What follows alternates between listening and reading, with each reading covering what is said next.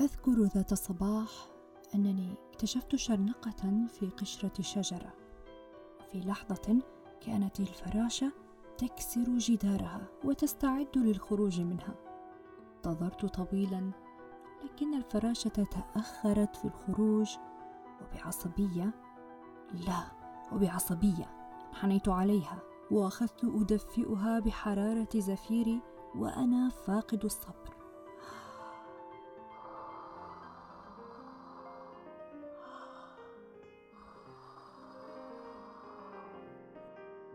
فبدأت المعجزة تحدث أمامي ولكن بنمط أسرع من النمط الطبيعي. وتفتحت القشرة وخرجت الفراشة وهي تزحف. لن انسى فظاعة ما رأيته حينذاك. لم يكن جناحاها قد افترقا وكانت جميع أجزاء جسمها الصغير ترتجف. والفراشة تجهد في فتح جناحيها. فانحنيت فوقها وحاولت مساعدتها بنفسي ولكن بدون جدوى. كانت تحتاج إلى نضوج صبور وفتح الأجنحة يحتاج إلى دفء الشمس ليتم ببطء ولكن الأوان قد فات الآن.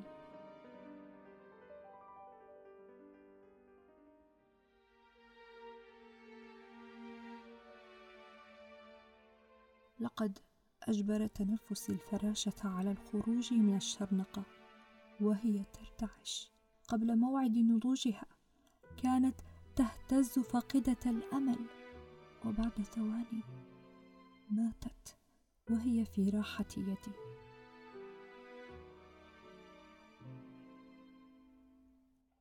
دع الناس مطمئنين أيها الرئيس لا تفتح أعينهم.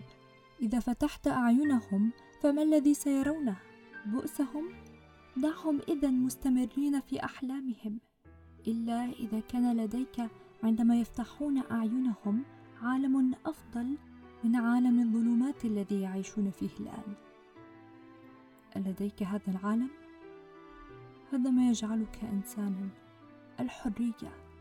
هناك أسوأ ممن هو أصم وهو الذي لا يريد أن يسمع. إن لكل إنسان حماقاته لكن الحماقة الكبرى في رأيي هي أن لا يكون للإنسان حماقات.